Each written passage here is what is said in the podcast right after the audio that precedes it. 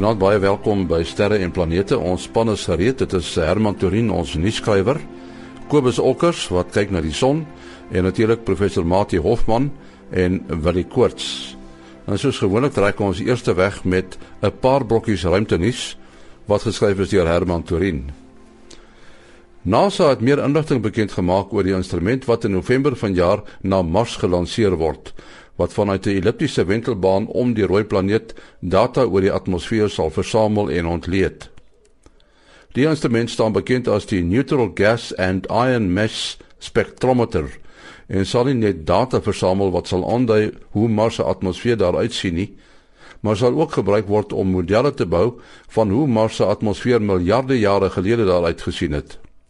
Dit kan meer lig werp oor hoekom Mars sy atmosfeer grootliks kwyt is. Die instrument sal aan boord van 'n tuig gelanseer word wat as Mars Atmosphere and Volatile Evolution bekend staan, maar as MAVEM afgekort word. Intussen het NASA ook twee verslae oor Mars se atmosfeer bekend gemaak uit data wat van 'n laboratorium aan boord van Curiosity op die planeet verkry is. Die inligting staaf ook dat Mars eens 'n veel digter atmosfeer gehad het. 'n NASA wetenskaplike verduidelik dat soos die atmosfeer verlore gegaan het, is die spore daarvan in die verhouding van isotope van die bestaande atmosfeer vasgelê. Die bewyse wat gevind word dat lopende water eens op Mars se oppervlak teenwoordig was, dui ook op 'n digter atmosfeer in die verlede. Die atmosfeer is nou te dun vir lopende water om aan die oppervlak te kan voorkom. Intussen gaan argeoloë in Israel soortgelyke toetse doen met 'n instrument wat bekend staan as Dangor Research Accelerator Mass Spectrometer of afgekort DREAMS om akkurate datering te doen oor onder meer wanneer die moderne mens uit Afrika migreer het. Waar Curiosity hoofsaaklik na die verhouding van koolstof 12 en 13 in die Mars atmosfeer kyk, soek die REAMS na die hoeveelheid koolstof 14 partikels tot verhouding van koolstof 12 en 13 partikels. Wetenskaplikes wat beelde van Hubble gebruik het, het vir die eerste keer die kleur van 'n eksoplaneet gesien. Die planeet wat 63 ligjaar van die aarde is, is blou, amper soos die aarde vanuit die ruimte lyk. Dit is egter waar die ooreenkomste ophou. Die planeet se atmosferiese temperatuur is meer as 1000 grade, waar dit waarskynlik glasskerfies reën. Die skerfie sal weens die geweldige sterk winde van sowat 7000 km/h ook nie reg afval nie, maar byna horisontaal trek. Tot sover 'n ruimtenis wat geskryf is deur Herman Torin. En nou gesels ons met Kobus Olkers in Florida, Amerika, om meer te vertel oor die gedrag van die son. Goeienaand. Um, ons het 'n vreeslike stil son op op ons op die oomblik. Daar is 'n paar aktiewe areas op hom, maar hulle is glad nie ehm um, kompleks nie. Magneties is hulle baie eenvoudig, so daar is geen kans vir groot vakkels van hulle kant af nie. Ons uh, het ook geen koronagate op die stadium nie. Die enigste items wat daar op die oomblik op die son is wat 'n mens na met die moeite werd is om na te kyk is dit daar is twee redelike lang uh, filamente. Nou ons sal onthou 'n filament is 'n stuk van die son se korona wat opgeknyp word tussen twee magneetvelde. En dan sit hy so so 'n paar hele klomp duisende kilometer so amper soos 'n bergreeks wat bo kan die son sit en hy's tipies hier by die 50000 km lank. So dit is 'n redelike groot groot affære en hy's relatief onstabiel 'n uh, filament. Uh so dit kan gebeur dat die goed kan of platval of opstyg van die son af afhangende van wat die magneetvelde doen. En as hy platval kry 'n mens 'n ding met die naam van 'n Hyder fakkel en die goed kan kan 'n bietjie steurings veroorsaak met uh elektromagnetiese uh apparaat maar verder is die son doodstil en ons voorspel ook uh, geen aktiwiteit vir die volgende week nie. Goed koop as jou besonderhede. Mes SMS alleen asseblief uh, 083 264 8038. Dis 083 264 8038. Dit was Kobus Olkers in Florida, Amerika. En wel die verlede Saterdag was dit mos nou die Skoupex daar by die uh, Militêre Museum in Johannesburg. Uh, wat was jou indruk uh, van die geleentheid?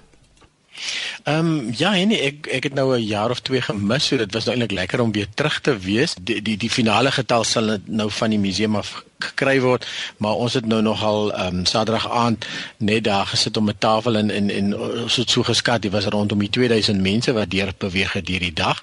Ehm um, daar was vir my of daar minder studente was. Ek weet hulle hulle uh, uh, reik nogal baie uit na skole en hulle ry kinders aan met buste en en ek weet uh, die kinders word ook uh, uh, gestuur na uh, uh, Experie Labs se se se wetenskap vir uh, chemiese vertoning baie baie interessante uh, lekker ontploffings en so. En um, dan die teleskope wat die teleskope aan betref klink dit vir my daar was 'n bietjie minder 'n uh, verjaar geweest maar die gehalte van die tuisgemaakte teleskope bly maar hoog. Ongelooflik wat se uh, goeders die mense um, uitwerk hoe om uh, stukke van 'n fiets uh, uh, gebru word gebruik om die teleskoop se beweging te te klamp en ehm, 'n um, vrik van 'n fiets het ek daar gesien en 'n badprop wat, wat gebruik is vir 'n oogstuk se fokuser ensovoorts ensovoorts. En natuurlik die interessant een van die interessante teleskope was Bosman Olivier lyk like dit vir my se en met 'n string scope is so die die die teleskoop is baie liggewig en dan word hy met 'n kabeltjie aan aan mekaar gehou. Nou ja, die tema was 'n spektroskopie, so ons het 'n 'n internasionale spreker gehad wat ook die Vrydag middag 'n werkswinkel aangebied het oor spektroskopie vir amateurs. Uh, is 'n baie uh, uh, veld wat ongelooflik uh, uh, uh, toeneem uh, uh, op hierdie stadium want amateurs met uh, deesdae se toerusting kan amateurs nou hulle eis, uh, eie astrofisika begin doen. Uh um, en en dit is dis ongelooflik die databasisse wat daar al opgebou was. So uh die dit was nou die persoon hy's van Frankryk uh en dit was sy eerste ja dit is dis Oliver Chase en dit was nou sy eerste keer in die suidelike halfrond gewees. Uh baie opgewonde gewees dat die maan verkeerd om is en om die suiderkruis die eerste keer te sien.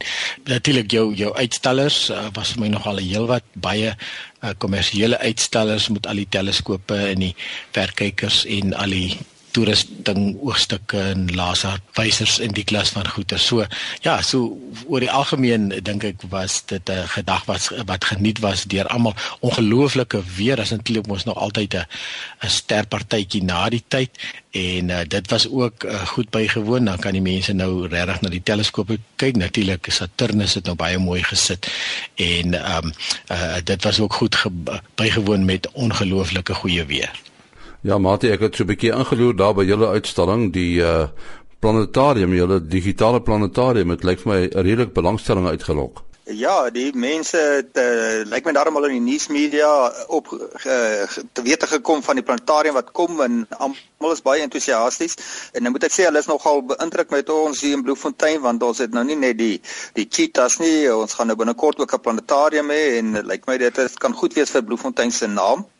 Uh, dit was baie uh, aangenaam by die uh, Scopex want dit is by 'n mooi terrein tussen al die ou wapentuig so dis nou die militêre museum daar agter net agter die Johannesburg dieretuin en die omgewing met vreeslik baie bome en uh, dis so 'n alfa aansteeklike atmosfeer want jy het hierdie vreeslike entoesiastiese mense en hulle het 'n bepaalde kundigheid wat hulle graag wil wil deel So saam met Willie kan ek maar net sê om te sien hoe vindingryk die mense is en wat 'n mooi teleskoop hulle self kan bou. Dit dit, doen iets aan mens. Daar was ook 'n persoon wat die mooiste en 'n groot verskeidenheid van sonwysers uh, gebou het. Daar was interessante lesings. En uh, sommer net dit vertel uh, wil net nou vertel uh, genoem van die die Franse besoeker wat hier was. Ek en Willie sal nog so 'n bietjie moet oefen om sy naam op die Franse manier te sê. Met alweer Tazy.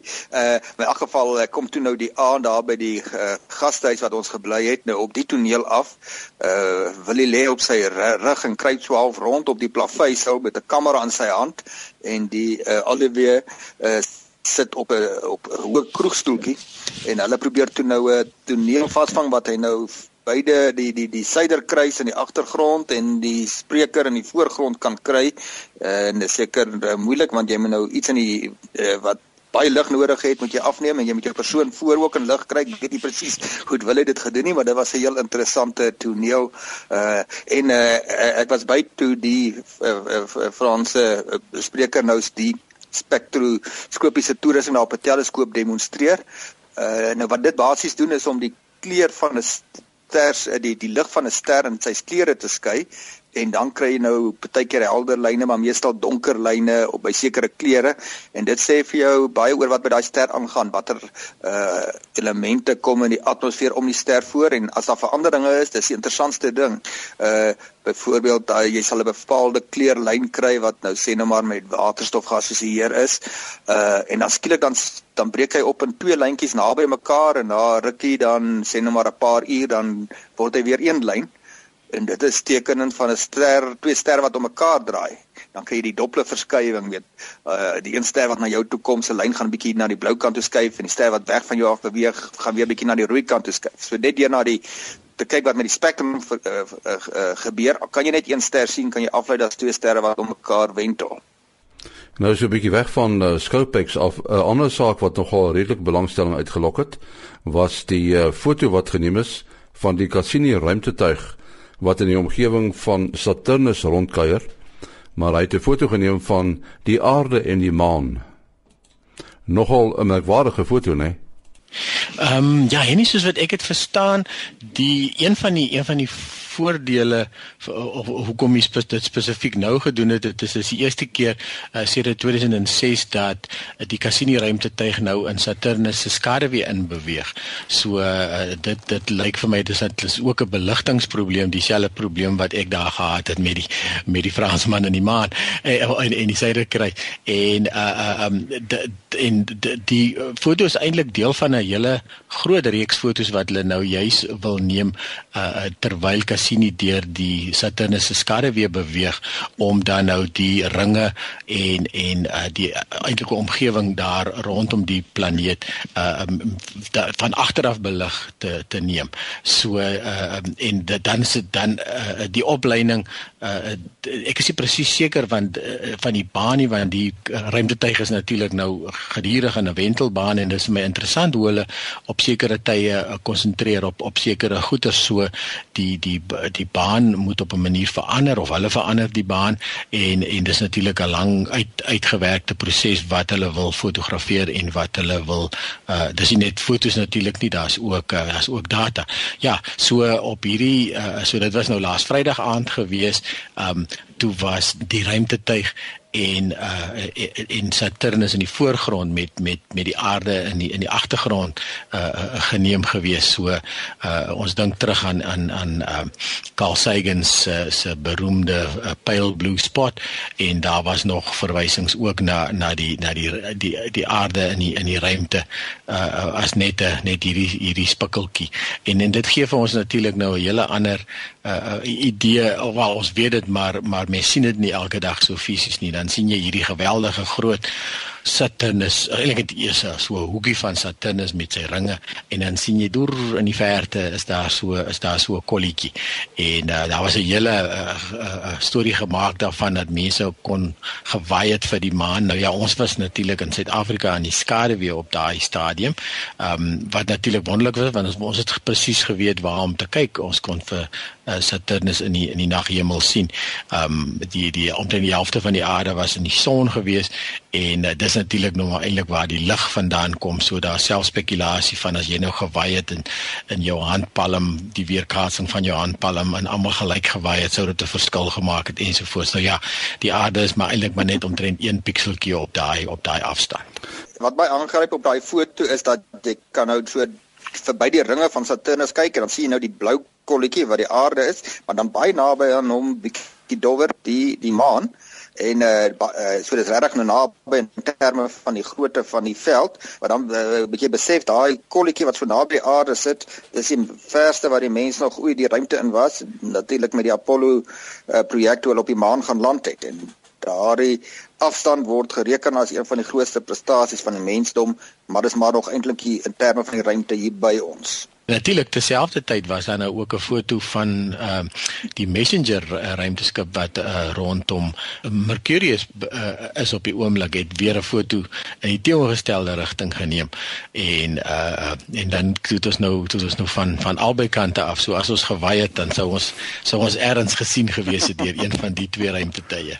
Ja. Ja. Ja, ja interessante ding nou net uh, as 'n mens nou op die foto wou wees, dan sou jy ongeveer 'n uur voor die tyd voordat hulle nou aangedui het hulle die foto gaan neem, sou jy nou moes buite wees want die die lig wat jy dan nou sou weer kaats as jy nou 'n helder lig op jou sou skyn, sal in die omgewing van so net oor 'n uur neem om van die aarde tot by Saturnus te te, te trek. So uh daar's daai tydvertraging uh, wat nogal uh, kompleks is. As jy byvoorbeeld vat die son is ongeveer 8 ligminute van ons af en Saturnus is so amper 10 maal verder as die son. So dit gee jou oor die 60 minute, meer as 'n uur uh vertraging vir die lig om daar te kom. Mati, ons het uh, al in die program gepraat uh, van die Cube satelliete. Uh, het jy 'n bietjie meer inligting daaroor? Ja, die die die CubeSat is uh, maar in die omgewing van 'n paar sentimeter by 'n paar sentimeter by 'n paar sentimeter, so in die orde van 10 uh, en jy kan hulle ook kombineer om nou 'n bietjie groter satelliet uh, uh, te te vorm. So in terme van die groot NASA satelliete is dit weglaatbaar klein, maar met die moderne elektronika wat uh, mos geweldig kompak is in terme van die hoeveelheid stroombane wat jy in 'n klein geïntegreerde stroombaan kan sit, kan jy baie baie funksionaliteit in terme van meetinstrumente, berekeninge en so aan daar inbou en uh uh en jy kan nou omdat dit nou klein is, sal jy nou sê 'n gespesialiseerde uh, gebruik daarvoor hê. Ons sê net een bepaalde aspekte gaan meet in die ruimte.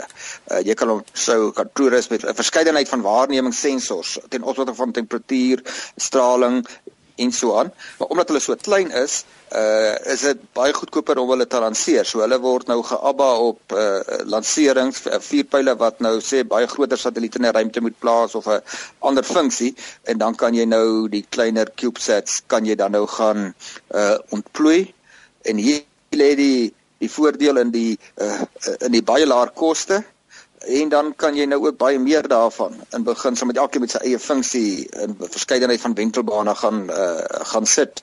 En ons weet op die stadium in die geskiedenis is dit baie belangrik nou nie net om die die die die diep ruimte te verstaan en die die die die die ruimtevoorwerpe nie, maar dood om die aarde te te gaan meet en te kan sien uh weet hoe die sê nou maar die atmosfeer van die aarde ver, ver, verander of die straling wat die aarde uitstraal. Ek weet ons moet hou vas kry op dit die inligting wat ons nodig het om die aarde beter te bestuur omdat daar so baie mense op aarde is en ons so aktief is op 'n verskeidenheid van maniere. Ja, ek wonder wat die uh wie beheer hoeveel satelliete in die lugruim ingestuur word. Want daar's nou al 'n hele klompie, né?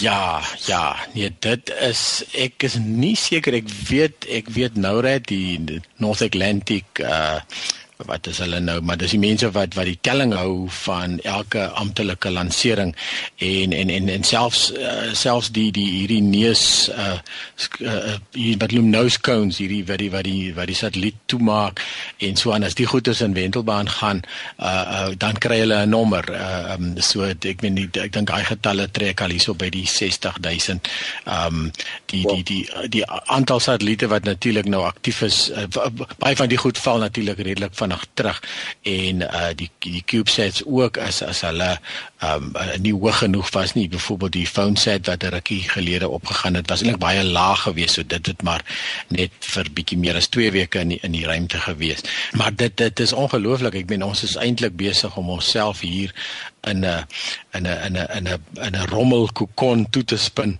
wat uh en dit klink die groot probleem is sodra jy botsings kry dan dan genereer jy duisende stukkies en en hierdie goed trek teen 30000 km/h nou ook nou nie almal re relatief tot mekaar nie maar as hulle mekaar tref net 'n stukkie verf uh wat in die ruimte die die die, die vooruit byvoorbeeld van die uh pendeltuig het het ek al fotos gesien van hierdie klein kratertjies wat veroorsaak is deur stukkies verf wat daar in die ruimte uh, uh, ronddryf en dan getref word uh, deur hierdie uh, ruimteskip wat dan teen hierdie geweldige snelheid beweeg.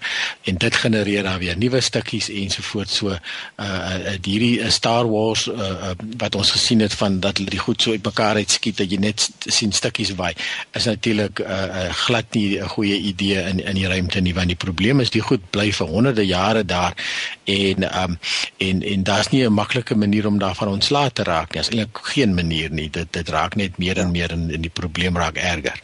So 'n paar jaar ge, gelede het die Chinese mos uh, een van hulle eie satelliete met 'n projektiel uh aan flarde geskiet blykbaar maar net om te te wys hulle het die tegnologie en daardie een gebeurtenis het die hoeveelheid ruimte afval uh ongeveer verdubbel. Uh so hulle was nie baie gewild na daardie episode nie so uh, soos wil jy gesê so iets moet wat iewers nooit weer gebeur nie. Ja goed Mati, uh, sommer jou besonderhede. Uh selfoonnommer 083 625 7154. 083 625 7154. Willie? Uh 0724579208. 0724579208. Ons gesels ook vanaand met Ouke Slotegraaf daarvan die Kaapse tak van die Suid-Afrikaanse Amateur Sterrekunde Vereniging en hy gesels oor die sterrekunde inset tydens die Nasionale Wetenskapsweek.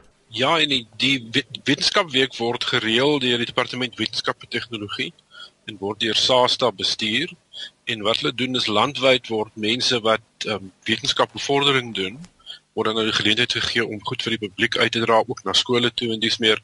En hierdie jaar het hulle besluit om die klem te verskuif na sterrekunde toe wat regtig wonderlik is. So so groot plekke soos Hartraal by by Kreersdorp byvoorbeeld het verskeie aktiwiteite.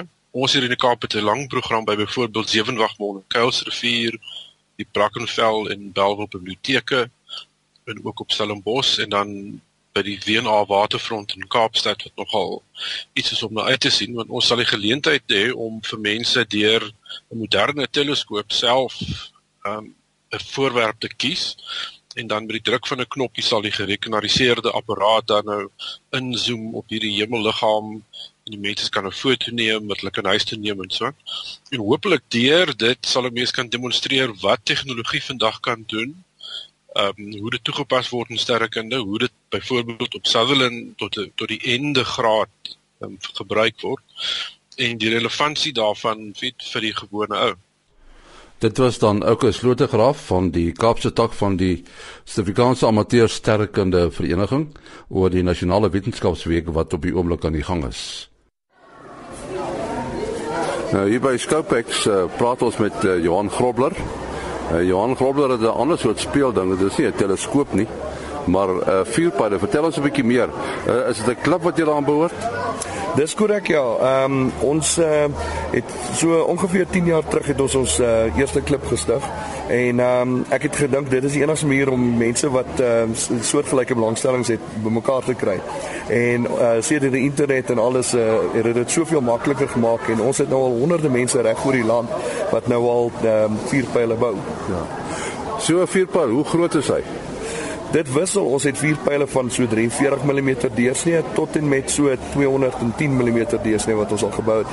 En hulle lengtes wissel uh, van onder 'n meter tot uh, verskeie meter. Ons het een al gebou 5 meter lank is. Is dit moeilik om so 'n toestel te bou? Ek glo nie dis moeilik nie. Uh dis moeilik om dit 100% reg te maak dat hy veilig vlieg, maar uh dit is definitief uh uh relatief maklik om dit te bou uh as mens dit nou vanaf 'n uh, kit nou bou wat uh, al die parte bevat. En waarvan word dit gebou? Meeste van hierdie vier pile bestaan hoofsaaklik uit veseglas en ehm uh, uh, kartonbuise wat ons gebruik en natuurlik ehm uh, hout, balsahout en ehm uh, daar is 'n klein bietjie metaal in vir die uh, partjies wat uh, sterk genoeg moet wees om ehm uh, um, uh, te regverdig om uit metaal uitgemaak te word, maar hoofsaaklik is dit maar veseglas en karton. En, en die aandrywing Aandrywing op hierdie stadium is alles 'n soliede brandstof. Ehm um, dit is aluminium motors wat herlaaibaar is. Jy sê aluminium motor, wat wat, wat is dit van aluminium gemaak? Ja, die die vierpyl motor ehm uh, is 'n uh, so omhulsel is van uh, aluminium gemaak. So dit word gedraai op 'n draaibank en uh, dan die brandstof uh, wat dan nou uit 'n paar chemikalieë bestaan, uh, is 'n vaste brandstof wat dan nou binne in die motor nou ehm um, geplaas word en die hele ding word toegeskryf uh, toegeskroef en ehm um, binne die vierpyl geplaas om dan uh, gelanseer te word. Uh, hierdie resep vir die chemikalieë en die brandstof, uh, uh, doen julle julle eie samestelling? Ja, ons het so uh, in 2005 het ons 'n lisensie by die departement van arbeid gekry om brandstof te vervaardig vir die mense uh, daar buite sodat hulle nie dit self hoef te doen nie want dit kan natuurlik baie gevaarlik wees. So ons vervaardig dit um, uh, met ons maatskappy um, sodat uh, mense dit nie by die huis hoef te doen nie. As jy mens nou so 4 pyl opskiet, hoe hoog gaan hy? Wel, ehm um, uh, ek sou sê ons intree vlak 4 pile gaan so 3-400 meter hoog. Ehm um, ons het ook 4 pile wat al meer as 3 km hoog gegaan het. So wat is die uitdaging nou eintlik? Is dit om hom in die lug te kry of om so hoog as moontlik te kry? Ek sê dis 'n kombinasie. Ehm um, dit is nie so maklik om om uh, te laat wegtrek nie en ehm um, en en aan mekaar te bly nie want baie keer sien jy van die vinne val af en al die tipe dinge. Maar as jy hom kan kry dat hy suksesvol vlieg, dan natuurlik is die groot uitdaging om te sien of jy hom die hoogste kan kry. Hoe kry jy hom aan die gang as hy staan op 'n plek? Uh, jy weet mense dink nou aan die die vuurpyle wat ek kry wat mense by vuurwerke is dit maar dieselfde manier. Wel, ons gebruik definitief nie lonte nie. Uh ons gebruik 'n elektroniese of elektriese stelsel wat dan die inisiering van die motor doen. Uh, so uh, ons het 'n uh, ehm um, 'n uh, aftelling wat ons doen 5 4 3 2 1, druk die knoppie en dit stuur dan 'n sein deur na 'n relay stelsel wat dan elektrisiteit deursit na die inisieringsstelsel toe wat dan die vuurpyl aan die brand steek en dan trek hy weg. Ja, dis nou byna soos die pendeltuie, nee. Dis hy. Ja. En as hy nou die hoogte bereik het, hoe kom hy terug? Wel, ehm um, as alles goed gaan, dan uh, sal die altimeter nou ehm um, uh, bepaal wanneer die, die hoogte punt, uh, of die hoogste punt van die vlug of wat ons nou noem die apogee bereik is ehm um, en wanneer dit bereik is, uh, word daar 'n lading afgesit wat dan die valskerm dan nou ehm um, uitwerk. So het hy 'n hoogtemeter hierdie vuurpyl. Meeste van ons vuurpyle het hoogtemeters. Daar's van die kleiner vuurpyle wat net 'n ehm 'n 'n klein uh, timertjie in het wat ons nou van praat, maar meeste van hulle het 'n hoogtemeter in wat uh, met barometriese druk die hoogte bepaal. Hmm. Hoe sterk is julle klub? Op hierdie stadium, ehm um, ek sou sê in Gauteng, ehm um, is daar uh, ongeveer 50 mense wat 'n uh, ehm um, uh, deel is van die klub landwyd. Uh, uh raamlik op omtrent so 200 mense. Ehm um, maar daar's natuurlik altyd plek vir nog mense. En en mense kan natuurlik nie enige plek lanseer nie. Jy moet 'n spesifieke plek hê. Dit is baie belangrik. Ehm um, ons het 'n plek op Sasolburg waar ons uh, uh, uh, gereeld met burgerlugvaart in kommunikasie is om seker te maak dat die plek waar ons lanseer glad nie ander mense in gevaar stel nie. Want dis wat belangrik is van van enige stokperdjie. Jou pret moenie ander mense se pret bederf nie. En hoe dikwels vind uh, die lanserings plaas? Ons lanseer uh, basies elke maand. Ehm um, die laaste Saterdag van elke maand is ons gewoonlik op Sasolburg. Ehm um, en dan gaan probeer die mense vir uh, nuwe hoogtes en nuwe uh, elektronika wat hulle toets binne hulle vuurpyle. Dit was dan uh, Johan Grobler wat gesels het oor die vuurpyle wat hulle bou. My besonderhede is maas.henny@gmail.com. maas.henny@gmail.com. Tot volgende week, alles van die beste.